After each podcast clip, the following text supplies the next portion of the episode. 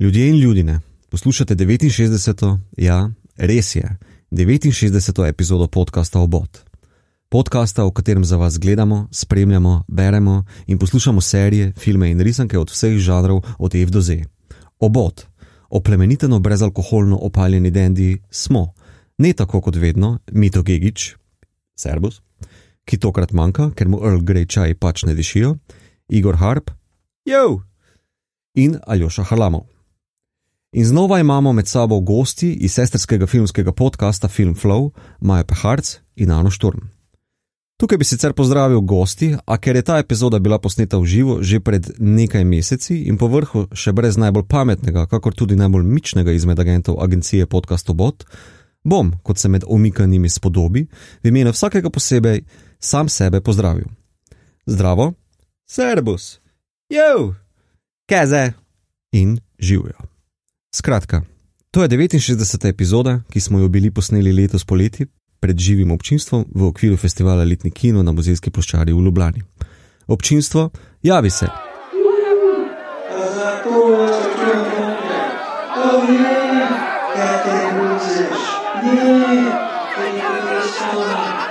In sicer smo si pravkar, to je pred parimi meseci skupaj z občinstvom, pogledali Gosford Park, film iz leta 2001.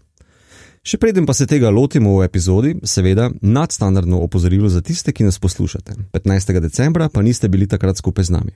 Tale epizoda bo vsebovala kvarnike za film in če ga še niste gledali, morda nam uide tudi kak kvarnik za kakšnega od filmov, ki jih bomo omenjali, ampak se bomo potrudili, da jih ne bo. Saj želimo povabiti k ogledu te filmske klasike.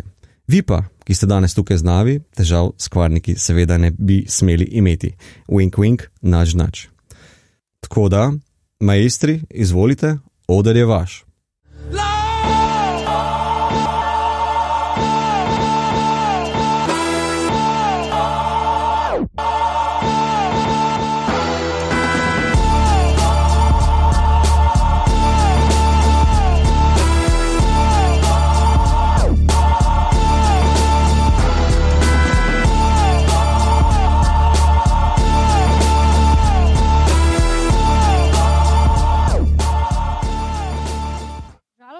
Prva asociacija, ki mi nekdo reče kriminalka ali pa detektivka, je uh, namizna igra Kludo oziroma Kloedo in moj večni butler v living roomu s šandelirjem. To, to je to.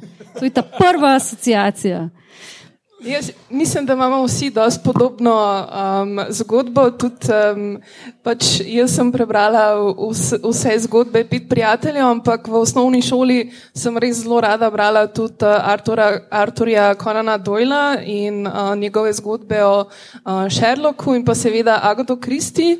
Um, ima pa tudi zelo lepe um, spomine na v bistvu družinski čas pred televizijo, ker smo vedno uh, gledali um, pojro heroja, pa umore na podeželju. In nismo nikoli igrali kluda, ampak je bilo v bistvu ogled teh uh, serij, je bil nekako naš kludo, ker smo se vedno pol uh, med sabo ugibali.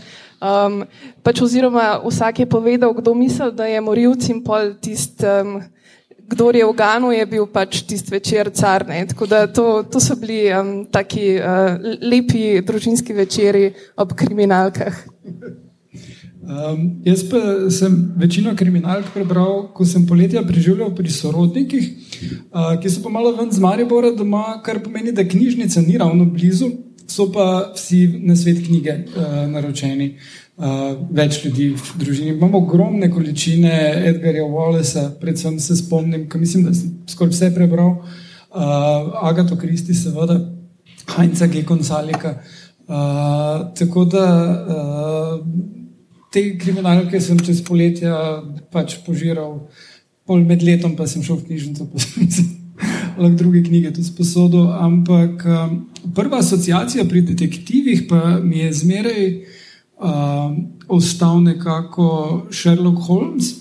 Uh, čeprav potem kasneje sem uh, ga nadomestil z Dekardom iz Blade Runnerja, ker mislim, da sem večkrat gledal Blade Runnerja, kot pa vse Holmes skupaj. Uh, tako nekako. Space hudanet, hudanet in space. Jaz moram tudi reči, da pač vsi Sherlock, eh, pač sem velik fan Sherlocka, jaz sem drugače gledal, mislim, da gledam bolj ali manj vse ekranizacije Sherlocka ever, pač tako.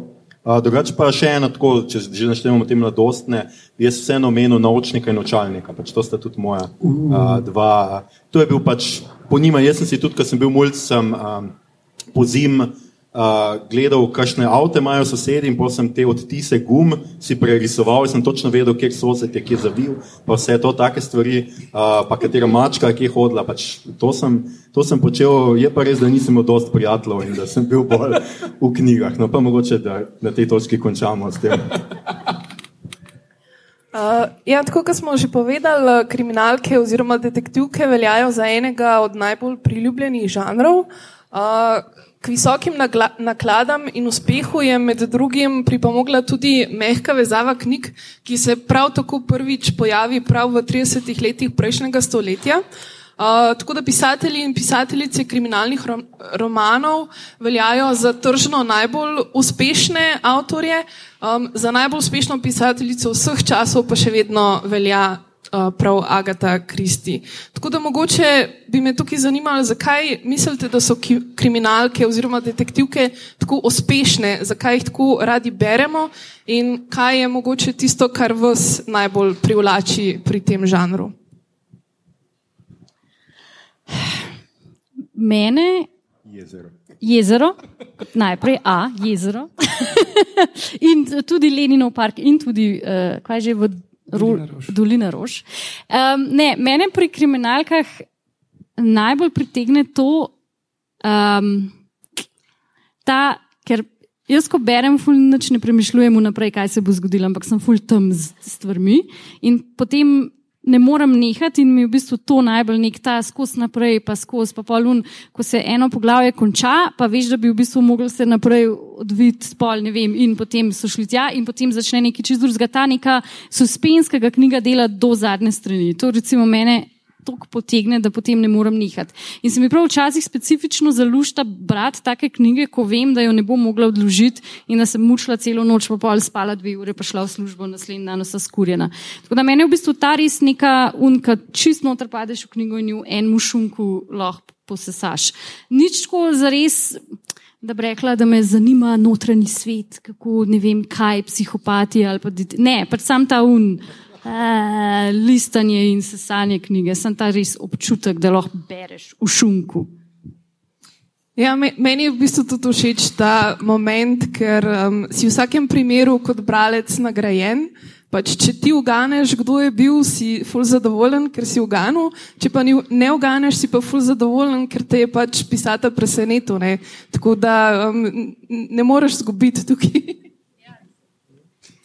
Uh, ja, to, to je vsekakor uh, to intelektualno delo dodatno pri branju. Uh, ampak jaz fulj cenim tudi recimo uh, zmeraj humor, če je zraven. Uh, to mi je bilo krasno pri Chandlerju ali pa Mikiju Spilenu, bolj teh ameriških hardboiled uh, avtorjih, ki so zapisi scen in vsega ogromno humorja not vložili tudi pri tem, kak opiše, ne vem, murder scene, tam je bilo to, to, to, in potem me ta človek gledal, ampak mi ni videl, ker je bil mrtev ali kaj podobnega. Uh, čist by the way, na koncu ne vrže. Ne?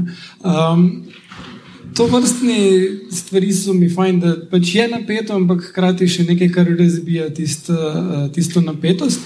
Um, ampak uh, ne vem, recimo teh sodobnih avtorjev, uh, J.K. Rowling. Uh, ima nekaj malega humorja, not, ampak zelo malo. In... Misliš, sorry, misliš, še Galbraith? Galbraith, jaz. Ker ne vemo, kdo je v resnici. Ja. uh, Pri pr teh straj, romanih o strajku um, zelo, zelo dela na tem, da te zmoti in zmede, kdo bi lahko bil, do te mere, da včasih postane že malo nepripričljivo, da bo pa ta junak zdaj tukaj tiho in ne bo povedal, kdo bi lahko bil, ampak bo treba še sto strani prebrati prej. No, jaz se pridružujem, pač meni je tudi to, valjda, najbolj zanimivo, še posebej nek nekoga, ki ne vem, pač profesionalno se ukvarja z zgodbami, ne bolj to, kako me uspe neka zgodba potegniti za nos in mi pokazati prepričljivo, glej, tle sem ti pustil vse te namige, pa niso opazil, bil je ta. To se mi zdi, obenem pa, in zdaj mogoče že počasi prehajamo k temi eh, našega pogovora, pa se mi zdi zelo pomembno, da je kriminalka, zločin je zmeraj družbena a, kategorija. Ne? Zločin se ne zgodi zunaj družbe, pač lahko je strast. Pač ja, seveda v teh prvih hudanitih, posebej Gata Kristi, zelo zakriva to neko družbeno pogojenost zločina s tem, da je vedno v zadju neko prešuštvo, maščevanje, neke osebne lasnosti, ampak v resnici je zločin zelo družbeno dejstvo in meni je všeč, kako kriminalka razgali neko družbeno strukturo, nek družbeni trenutek v nekem momentu, kar lahko počne tudi, ko se trudi, da tega ne bi naredila. Ne? Čeprav so moje najljubše kriminalke tiste, ki znajo to dobro narediti. Ne? Tudi pri um, Recimo, ko berem uh, dobro kriminalko, ali pa dobro, tudi če gledam, me zelo zanima, tudi, kako je postavljena v lokalno okolje. To je za me zelo pomembno. Jaz, če sem kadarkoli uh, potoval nekam, da sem že vnaprej vedel, da bom nekam šel zelo dolg naprej, sem se ful potrudil, da sem našel recimo krimičev, ki se dogajajo v tistem mestu ali pa nekaj tako, da sem se pol tako nekako. Ne, ne vem, zdelo se mi je, da je tako zelo nekaj uh, bližnjica do tega, da spoznaš identiteto nekega kraja ali pa neke družbe tam, da bereš krimično. Uh, in kter te je najbolj navdušil, mislim, kter krimič je najbolj prikazal kraj, kamor si prvič prišel? Um, jezer. Bravo. Tudi ti dobiš procente od prodaje. Uh, Ja, zdaj, ki si že omenil, ne, um, da se bomo s to temo še kar precej ukvarjali, predlagam, da se iz tega pogovora o detektivkah mal preselimo na pogovor o filmu, uh, ki si ga bomo danes ogledali. Gosford Park uh, so oglaševali sloganom Čaj ob štirih, večerja ob sedmih, umor ob polnoči. Um, film je po eni strani omaž klasičnim hudanit kriminalkam, se pravi poklon Ad Agati Kristi in britanski tradiciji žanra, po drugi strani pa res poglobljena študija razrednih razlik v Angliji v času med obema vojnama.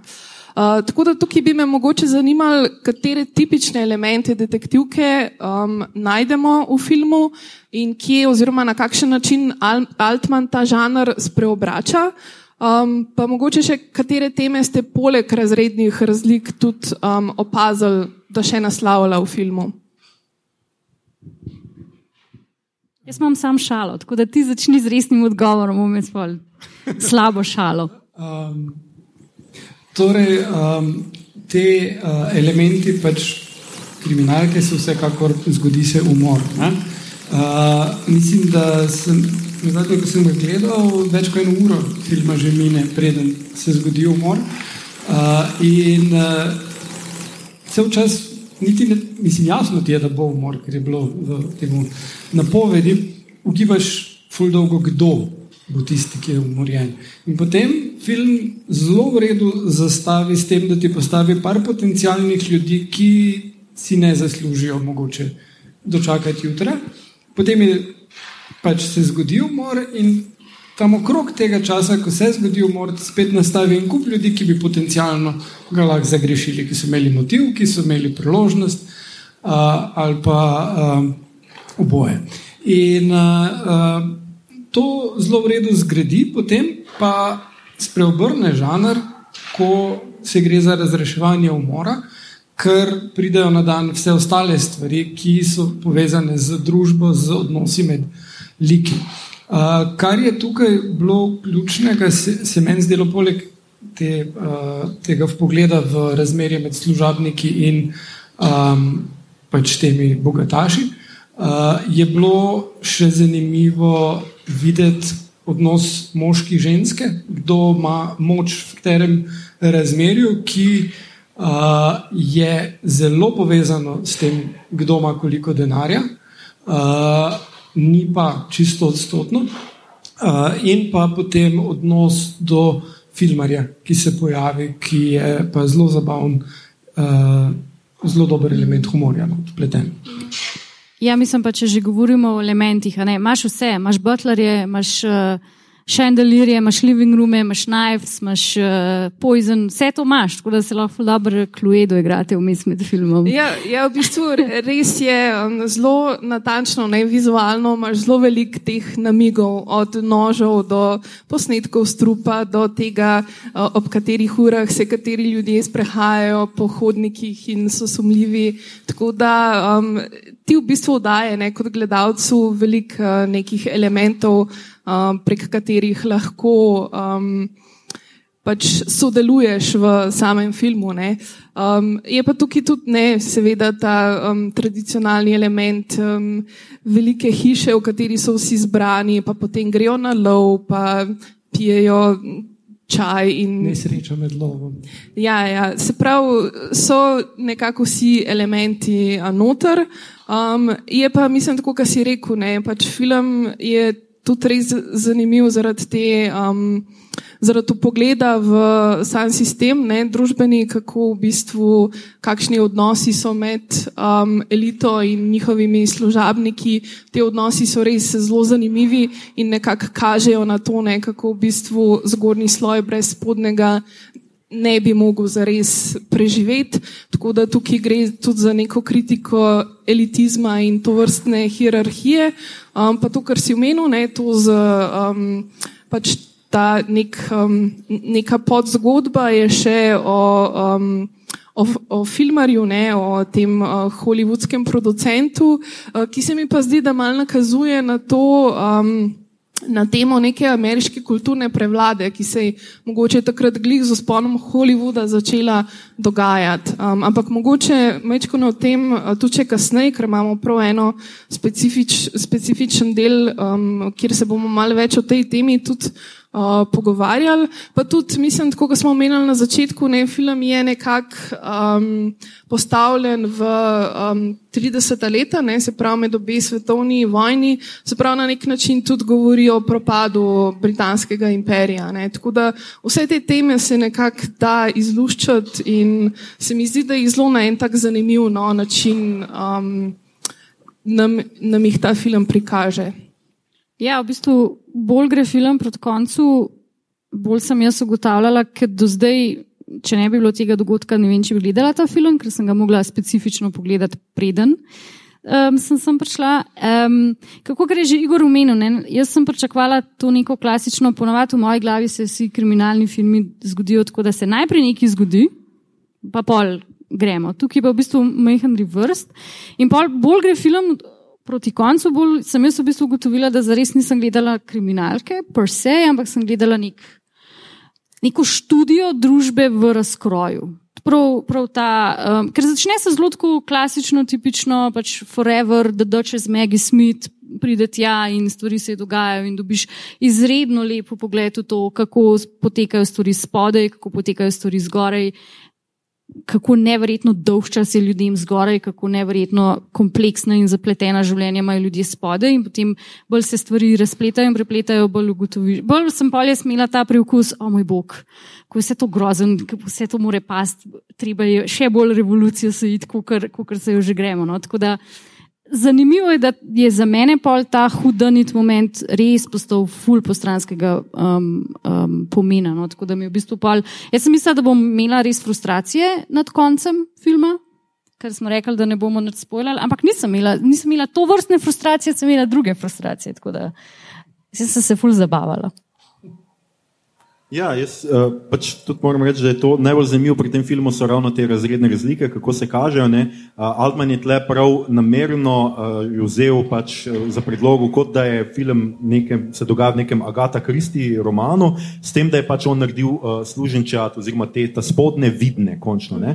In s tem Altman tudi v resnici se tudi s fotografijo in vsem tem nanaša na te zelo popularne, v resnici neke kostumografske, zgodovinske drame, polne bleščečih kostumov, super igralcev, nekih plemičih, nekih prikazov, ne vem, po, po preproščenih, recimo Jane Austen filmov, pa vse, vsemu temu teh romanc, ki so temu sledile, s tem, da on pač res v ospredje daje ali pa vsaj en, v enako linijo daje seveda tudi služinčat in to se meni pač zdelo zelo zelo fino in uh, glede tega, pač to bomo še gotovo omenili, nekaj, no, glede tega pač Altmanu tu pravi, da je zelo pač tako demokratično, uh, da je to film, ki skuša nekako demokratično vse razredne vloge prikazati. Približno z neko isto, v enakem fokusu, ali pa celo, če poznate Altmanovo filmografijo, potem veste, ali vse zunaj fokusa. No? Tako nekako, ni pri njem, imamo to, o tem bomo tudi kasneje. No?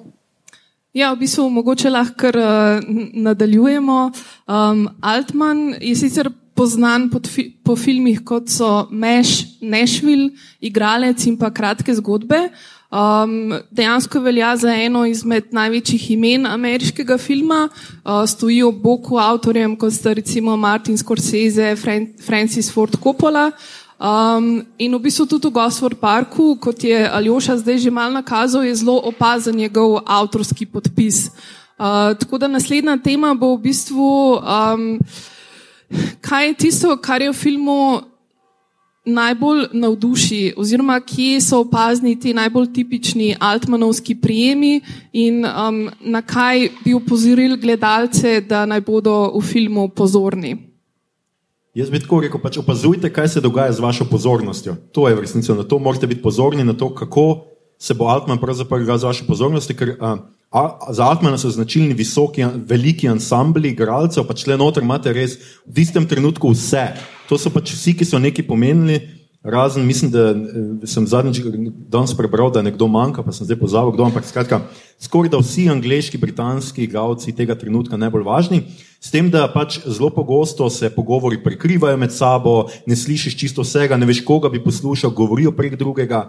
Visok, veliki plani so, v katerem pač kaže vse te igralce, tudi malo zunaj fokusa, ne veš časi, kdo govori kaj in tako. Tako da je malje, glede tega pač Altman skuša to čist demokratizirati tudi na tak način. Ne? Um, nekateri pač, jaz sem tole, uh, sem bral, da pač. Um, Da je to zelo zanimivo, ker te, tako kot te kriminalka, kar smo govorili na začetku, te povabi k temu, da ti uh, sam razvozlaš, kaj se je zgodilo. Tako te Altman že na sami fotografiji, načinu postavljanja kadrov in tako naprej, uh, kar aktivira k temu, da moraš zelo pozorno spremljati film, uh, da pač pustimo da pač veš, kdo, kaj se dogaja in da sledi zgodbi. Pustimo zdaj to, da seveda, zakaj je tako dobro igralcev, hvala Bogu, da jih je, ne? ker vsaj si zapomniš pol po igralcih, kdo približno je kdo, ker če ne bi bile te zvezde, bi zelo težko gledal nek film z 30 anonimneži. Ja, še posebej zato, ker kar mi je tudi zanimivo videti, da imajo vsi karakteri načeloma ista imena, gospoda od spodi diktira imena od spodi, kar je tako predvidevam, da mogoče zgodovinsko dejstvo, ker so pač služeničat, če se je zbrala velika družba, najlažje se je bilo pač zapomniti, kdo je od koga in imajo vsi ista imena. In tako da pa hvala Bogu, da vemo, kdo je Clive Owen in vsi ostali, da pa vemo, aha, ok, to je ta. Čeprav je res, jaz sem. To sem tudi prej razlagala, da sem načeloma gledala filme brez angliških podnapisov, oziroma brez podnapisov. Tukaj sem si jih mogla vklopiti, ker sem bila tako dezorientirana, da res nisem vedela. In, hkrati sem na začetku imela občutek, da moram vse nujno ujeti, da je vse pomembno. Se pa, ko film začne delati, pa učinkovati na te, ugotoviš, da ta najbolj, da se mu pustiš in te bo že film odpeljal nekam. In je fulje zanimivo, dobro, ko te upele res ta ansambl cast in ko ti zaživiš s temi ljudmi in jih zelo hitro poškatličaš, kdo so, kjeri. Yeah. Uh, ja, uh, to je Altman tudi namenoma naredil, uh, ker. Uh, njemu je bilo v interesu narediti kompleksen film in uh, je še dodatno to, da je v film dal precej kletvic, uh, z, ravno zato, da je dobil tisto ceno R ZDA, da ne bi najstniki šli gledati, ker je sklepal, da najstniki, ki bi na ključno prišli gledati ta film, ali pa bi jih šola poslala, ker vem, se učijo o, o literaturi ali pa zgodovini, o čem tem obdobju. Ne? Um, da uh, jim bi bil film nezanimiv in bi motili ostale.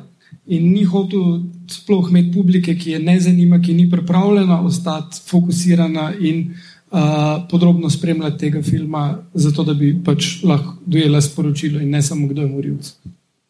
Ja, mislim, da vse to, kar ste zdaj govorili, um, se mi zdi, da je res Altman je res delal take kompleksne filme, take filme, ki jih je res vredno vedno znova gledati, zaradi tega, ker vedno znova odkriješ neke nove stvari. Ne? To je ravno zaradi tega, kar je Aljoša na začetku omenil, se pravi tega demokratičnega pogleda. Mi nimamo glavnega junaka, um, veliko zgodb se odvija paralelno, dialogi se pre prekrivajo, um, tudi kamera se vedno giba, ne? nikoli ni fokusirana samo na eno osebo. Um, v bistvu nekaj sem prebrala, da en zelo tak, eno lepo primerjavo do kamera je tako kot ti služabniki, ki v bistvu prenesejo ta pladen ne, in grejo samo mimo. Tako, tako tudi gledalec v bistvu gleda ta film. Ne. Tako da nikoli ni kamera pri miru, tako da vedno se moraš odločati, kaj boš gledal, koga boš poslušal. Ne? In pač na ta način potem aktivno par participiraš. Ne? So pa um, v bistvu Altman je veliko delal z velikimi igralskimi ansambli, kot smo tudi povedali, bil je pa tudi zelo znan po tem, da je recimo zelo rad um, v bistvu um, delal um, z. Um, Pač, da je pustil igralcem, da, Da so, improvizirajo. da improvizirajo, um, tako da so oni lahko res veliko dal v svojih stvari v samo igro in tudi zato so igralci zelo radi delali z njim. Pa za njegove filme je tudi zelo značilen v bistvu naturalizem, se pravi tako igre, ki je improvizirana, kot samega snemanja. Tako da recimo dva taka. Um, dve taki fini informaciji pri tem filmu. Recimo, vse nakit, ki se je pojavil v filmu, je pravi. Tako da so tudi na samem snemanju, so recimo, ko so te igralke s tem nakitom hodile naokrog, je vedno bil zraven njih varnostnik, ki je pazil na ta nakit. Pa tudi recimo, ko imamo ta prizor, ko grejo streljati golobe. Um, Ti golobi so, pač, so jih res streljali. tako veš, da da sem- Ta, ta oh. film nima um, Fazani. Fazani. Fazani. Veš, sem premišljala o tem, ko sem gledala, sem bila tako. Ta film je 2001, tega CGI-ja takrat še niso imeli. A so nagačeni, ampak če se jim krila premikajo, kvaj, sem bila pol tako, nisem hotela iti pogooglati tega, ker sem, mislim, I don't really care, ampak to se mi pa zdelo, ker jih pač tako nisem un. Pokazali bomo en posnetek enega fazana. Ne, ne, ne, ne, ne. pokazali bomo vse posnetke teh fazanov in še pse, kako vlačijo fazane. Ja. Tako, wow, naturalizem, ok, Ja, ja, tako da- 2001, drugačen svet, kul. Cool. Tako da to so mogoče ene take pa, par stvari, um, na katere se splača biti mal um, pozoren. Um, sem pa v bistvu jaz eh, tudi ob tokratnem ogledu opazila, um, kar mogoče mi prej ni tako stopil v spredje, ampak tokrat pa mi je in sicer to, da je Gosford Park tudi en tak zelo zanimiv metafilm. Um, pač med gosti v tej razkošni palači se znajde ta hollywoodski producent, ki se pripravlja na snemanje novega filma o detektivu Charlieu Chenu um, in pa znani britanski igralec Ivor Novello, ki je bil eden najbolj priljubljenih britanskih zvezdnikov v prvi polovici 20. stoletja. Um, Ivor Novello je med drugim recimo igral v Hitchcockovem zgodnjem filmu The Lodger. Um, tako da mogoče bi si tukaj malo pomenilo o tem, uh, kako ste vi brali ta metatekst v povezavi z ostalimi temami, ki jih Altman recimo v tem filmu odpira, pa kaj ima Hollywood z visoko britansko družbo in razredom. Uh, ja, meni je bilo najbolj zabavno že čist na začetku, ko uh, ta producent pove, da snema film, ki se bo dogajal v točno taki hiši, kjer pač nekoga umorijo. In v bistvu že naprej. Uh, uh, Napove, Napove, majčkan, kaj se ja, bo zgodilo. Ja. Ja, pa v bistvu tudi ta igralec, uh, Bob Belaban, ki igra tega hollywoodskega producenta, on je dejansko producent filma Gosford Park. Ja, ja, in, uh, so scenarist. Uh, ja, z, z Altmanom sta imela osnovno idejo, scenarij je pa potem napisal uh, Julian Fellows, uh, ki je naredil na, uh, Downton Abbey, v osnovi mišljeno kot spin-off tega filma, ampak potem pač kot čisto ločeno zadevo. On je mim glede baron Fellows of West Stanford. Wow. Ja, um, ja uh, uh, tale um, lik producenta uh, je zanimiv uh, tudi z tega, ker non-stop kaže, da njega zanima, kam je prišel ne, uh, kot, Ameri kot ameriški turist, v bistvu, ampak hkrati so pa njegove. Uh, uh, Potrebe vedno na prvem mestu. On je pomemben človek, ki mora telefonirati. Vedno, vedno, te, vedno. Te, Vedno je na telefonu, vedno razlaga, da ima naročen klic in naj ga takoj pokliče. In potem, ko se zgodi umor, je on na telefonu in mu ga vzamejo in tega ne sprejme posebej v redu. Ja. In uh, tudi ostali ljudje, ki so tam, imajo neke pomembne službe, nekateri med njimi pa niti en nikoli ne gre telefonirati. Tisti, ki se pravijo pogovarjati o poslu, jih naženejo proč, tu zdaj ni čas za to, zdaj smo prišli pobijati ptiče. In prav uh, se vidi ta razlika med uh, njimi, ki mogoče imajo službe, ampak oni so imeli denar že odprej, Uh, Ne, oni so ta družba, ki prezira delo. Ne? ki prezira Ja. delo in če prav delajo, ne, pač ta uh, eden je imel tovarno in ne vem, nekaj v Afriki posredništvo, denarno fural, karkoli, neke drobce izveš, kaj so njihove karijere. So te stvari bistveno manj pomembne kot to, kakšne služabnike imajo in kako se obnašajo služabniki in kako jih vzgajajo in se pritožujejo nad tem, da uh, že to, da vz, uh, uh, uvedeš služabnika, je, je bi ti on moral plačevati. Mislim, meni je tukaj predvsem zanimiv ta kontekst, da je to, kar sem že prej omenila. Mislim, britansko plemstvo v tem času nekako izgublja svoj vpliv v javnosti. Ne? In ta vpliv pa prevzemajo glih ameriški zvezdniki. Ne? Oni postajajo tisti, po katerih se zdaj zgledujemo, tisti, katerih življenja si zdaj želimo živeti. ne. Um, in na nek način v bistvu jih postavlja te ljudi v obskurnost. Tako da se mi zdi, da je tukaj en zelo tak zanimiv tudi uh, ko- komentar tega. Ja, pa Um, um, se tudi zelo dobro vidi, ker recimo Maggie Smith, Forever the Duchess, ona je ta nek star denar, staro plemstvo in ona ima tako zelo tak odnos, oh, kaj pa vi delate, a igrajo se, uh, uh, ne, ne. Mislim, malo jo zanima, ampak ne bo niti približno dala vedeti, da me bi jo zanima. Pa imamo pa likene enega novega denarja, ene uh, punce žene, ki niti nima svoje služabnice, kar je že to čist škandalozno. Potem je pa še tako fenica tega igralca in se zelo naslaja ob njega in to je tudi neki res ta razkol že med ne, tem hkrati novim denarjem, ki in ga potem še zmanjka in je še to neka velika sramota in kako se pa v bistvu um, navleče na to nek nov, novo, novo slavo, pa tisti, ki ima nov moč. Zato, ker stari denar seveda zavrača novi denar. In to mi je bilo tudi zelo zanimivo. Pa ta lik producenta, ki je vedno na telefonu, jaz sem pa pomislila skozi na, na Jessico Fletcher, ki uh, Murder She Wrote, ki se njej vedno stvari zgodijo in niti v eni epizodi se njej to ne zdi čudno, da se skozi njej dogajajo te stvari. Sem mislila, da bo ta producent kaj tako, oh, wow, kako je to čuden, jaz sem tle, o tem pišem, to se mi je zdaj zgodilo, a, a to meni to potika, mislim tako, ne- pa ni bilo nekega tega elementa, vsi so zelo tako nonšalantno sprejeli, oh, ja, ja, ja, ja, en now ti, tako, ful.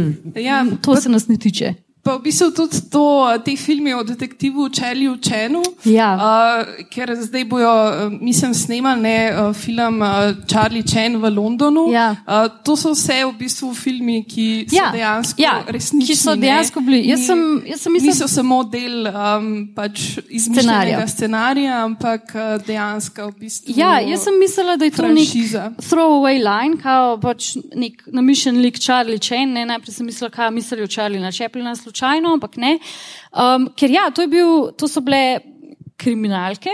Uh, Charlie Chen je bil sicer um, uh, stranski lik v teh kriminalkah, bil je pa tak, začetku. Na začetku, ja. V knjigah skoraj vedno, v filmih na začetku, potem so bili pa filmi, kjer je, bil on, kjer je imel on glavno vlogo. In Charlie Chen je um, produkt ameriškega pisatelja Earl Deer Biggersa. Um, meni je bilo ful zanimivo, da je on je itak um, azijskega porekla in ga je ta pisatelj naredil zato, ker je bil pač popolnoma antirasist in se mu izdel ta yellow scare, ki so ga imeli v Kaliforniji, čist mim in je rekel, bom jaz napisal pozitivni stereotip, ker ne glede na to, da uh, je hotel poudariti, da pač nas ne bojo pojedli Azijci v Ameriki, vse glih to pozitiven stereotip. Ampak najbolj bizarno pa je, ker američani ne znajo ničesar narediti, kot je treba, je seveda ta lik bil um, zmeraj portretiran strani belca. V prvem filmu ga je šved igral in pač yellow face. Ne? Ampak bili so ti filmi. Ampak imel je ta šved bojda mongolske korenine. Sure, sure. Whatever helps you sleep at night, dude, seveda. Uh, ampak teh filmov je bilo tako ful, to je bilo 30 plus filmov. Uh, ful se jih da videti na YouTubu, jaz, jaz sem si enega pogledala in so vsake prave male poslastice, ful so hitsni in zabavni. Um, in ja, in je zanimivo, kako je v bistvu res ta upletel noter v ta čist nek fik, fikcijski svet, pa tega Čarlija Čana, ki so vsi pa tako, uh, boste snimali, pa uh, so vsi tako ful fani in si znam predstavljati, da mogoče se je pa to daj res v kakšnem realnem gospel parku dogajalo. No? Ja, pa tudi v, v filmu je veliko glasbe, ki jo je napisal Ivor Novello, ki je bil seveda tudi um, skladatelj Seveda. in uh, pisec uh, besedil. Um, in pa, mislim, meni je še en detajl zelo tak uh, fin, cinefilski in sicer uh, Steven Fry, ki igra um, detektiva. Uh, ki pride pač uh, razreševati ta umor, je v bistvu zelo hulojovski. Ne? V bistvu je ta um, pač lik um, iz filmov Žaka Tatija, uh, tako da tudi tukaj se mi je zdela ena taka um, fina pač povezava z pač širšim filmskim okolišem. Uh, ja, pa Steven Fry je tudi uh, idealen je za to vlogo te, tega detektiva. Uh, mislim, glede na cel njegov opus uh, do te točke in tudi kasneje, ko se tam pojavi, ti postane Mis... jasno, kam se bodo stvari ja. razvile.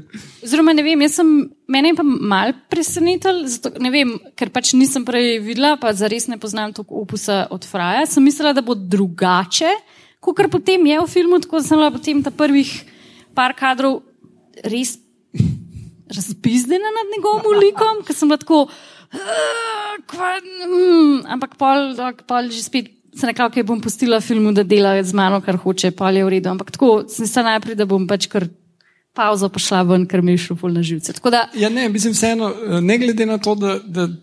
To, da se on pojavi, je že ura pa pol skoraj ja, mimo. Ja. Ti še vedno pričakuješ, ja. da bo Poirot ja. ali Holmes ja. ali nekdo se pojavil in rešil zadeve. In potem, ko vidiš silueto, tako, ok, to je pa malo grobo in potem tak, ko ga uvede postopoma ja. s takim kadrom, je bolj tak, a, tja gremo. ja, ja. Tukaj se tudi lepo pokaže v bistvu Altmanov smisel za humor, pa za, za satiro, ne prav skozi um, ta lik tega, tega detektiva.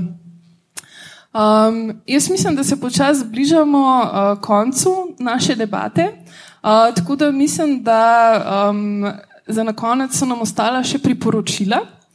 Uh, z razrednimi razlikami se je prekrat, pred kratkim ukvarjal še en super film, ki so ga navdihnile klasične hudane de detektivke. To je film Nož v hrbet, o katerem ste tudi vi že snemali eno posebno epizodo podcasta.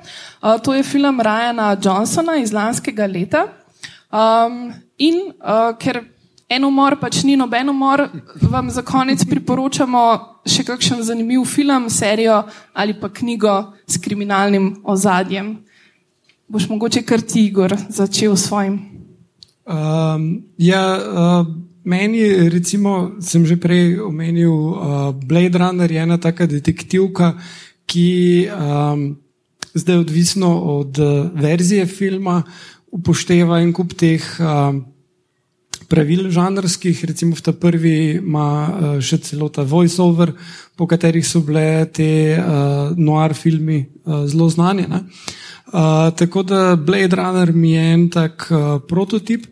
Uh, drugače od bolj klasičnih mi je pa bila la, predlanska, predpredlanska, ne vem, uh, umor na Orient Expressu mi je bil zelo zanimiv. Uh, A res? Ja, uh, mislim, videl sem že vse verzije prej.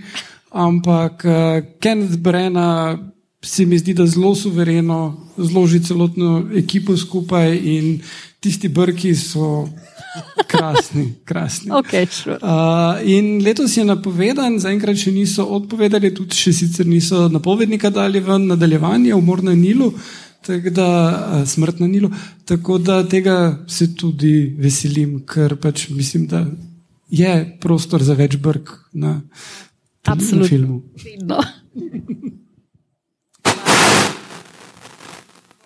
okay. Ne, to je to, konc. Okay, ja. cool. Ne, ne, v redu, v redu. Se bo šlo. Maja, jezero? Uh, ja, in, ja, in ne. Jezero je itak, pa vse to. Kjer je? Če. Okay. Um, Ja, itak jezero. Ampak ne. Um, jaz se zadnje čase skozi bolj navdušujem nad uh, proceduralkami, oziroma bolj uh, umirjenimi, uh, brskamo po Excel filih, odpiramo programe, uh, kompilamo dokumente in te stvari.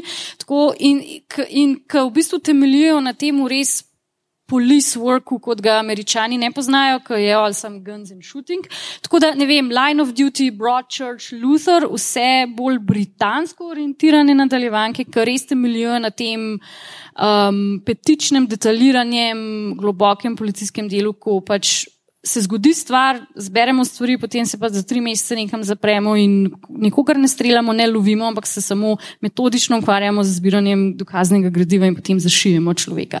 To mi je veliko bolj napeto kot marsikatera streljačina. Tako da te bolj proceduralne britanske, Bročer, če posebej, pa Line of Duty, tudi, da to, pa jezero, valjda, tam zadaj, dosegljivo. In tudi v Bohinju. No, Zdaj le, ker um, Ravno sem imel Bročrč, namreč v mislih, za me je pač Bročrč uh, tako paradigmatičen krimič novega vala, uh, krimičev, ki se zdaj ukvarjajo ne samo z zločinom, ampak tudi s posledicami, ki jih zločin pusti na neki ožji družbeni skupini, na družini in pa na neki širši ali pa malo mali neki zaprti skupnosti. To je prvo kot prvo, drugo pa jaz mislim, da so te skandi kriminalke res dobro vplivali na celoten svet kriminalk ker so vnesli neke nove teme ali pa nek premislek o tem, zakaj mora biti v kriminalki truplo vedno žensko ali pa otroka, pa zelo redko moškega, zakaj nas mrtvi moški ne zanimajo, oziroma zakaj so žrtve vedno najšipkejši in tako naprej, uh, oziroma zakaj seveda predvidevamo, da so to šipkejši. Ne? In pa uh, Bročrč tretja sezona, jaz mislim, da je nekaj najbolj izjemnega, ker si za osrednji zločin vzame posilstvo, ne več umora in ga zelo resno, sociološko in tudi za vse tako res zelo dobro in podrobno obravnava. In to se mi je zdelo pa zanimivo, da ne gledamo zmeraj serijskih morilcev pa tako, kot sem že rekel, nekih umora. Uh, ampak gledamo res enkrat celo uh, kriminalko s posilstvom v srednji vlogi. In zaradi tega mislim, da je ta pač plus to, da je seveda sjajna igra od Davida Tennanta, Olivije Coleman, Jodie Whittaker in tako naprej. No. Uh, ja, jaz sem pa si izbrala en mal bolj nenavaden kriminalen film, tudi britanski in sicer film Kuhar Tat, njegova žena in njen ljubimec, Petra uh. Greenawaya. Um, Sicer predvsem zato, ker v njem, eh, tako, v, tako kot v Gosford Parku, igrata Michael Gambon in Helen Mirren, in ker um, je zelo lepa povezava med umori, ki se zgodijo. tako da sam tok bom rekla, ker drugače bi preveč pospojila vse skupaj. Uh, tako da uh, to je bilo to za danes, sledi še avtro, potem pa film. Skratka, eh, ljudje in ljudine, ljubitelice in ljubitelji filma, eh, to je bila mešana epizoda dveh prijateljskih podkastov, oštevilčili jo bomo, ko jo bomo objavili. V njej smo se v živo, pred živim občinstvom, pogovarjali o filmu Gospod Park in podžanru kriminalke na muzejski ploščadi Metelkova v Ljubljani, na festivalu Poletje na Platnu in med Platnicami. Poslušali ste torej podcasta Filmflow in Obot, ki jo gosti mreža Apparatus. Z vami smo bili um, Maja, Wow, Naturalizem, Peharc uh, Ana, švedinja z mongolskimi koreninami Šturm, Igor, zdaj smo prišli pobijati ptiče Harp in Aljoša, baron of Vodmat. Harlamo. Če vam je bilo všeč, kar ste slišali, širite, lajkajte naše podcaste, naročite se na njo preko vašega najljubšega appa oziroma ponudnika podkastov, podprite platformo aparatu z odličnim izborom podkastov za vsakega in če boste v naslednjih dneh nekoga umorili, preverite najprej, ali ima v svojem gospodinstvu zaposlenega butlerja. Če ne, umor pač odpade. Vi pa svoje morilske frustracije izživljate raje s tem, da na ves glas poslušate podcasta Filmflow in Obot in če boste imeli srečo, bo kak sosed umoril vas. Uh, oba podcasta najdete na Twitterju, Facebooku in Instagramu, na TikToku nas zaenkrat, zaenkrat še ni. Uh, imejte še naprej lepo poletje, pojdite kaj v kino, podprite slovenske kinematografe in slovenski film, obodovke in obodovci, filmflowerke in filmflowerci, to je to za ta denar.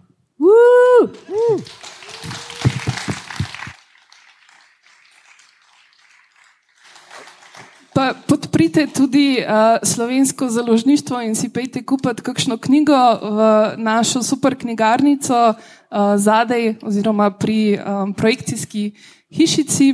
Um, pet minut pauze za WC, nakup knjig, potem pa štartamo s filmom. Love!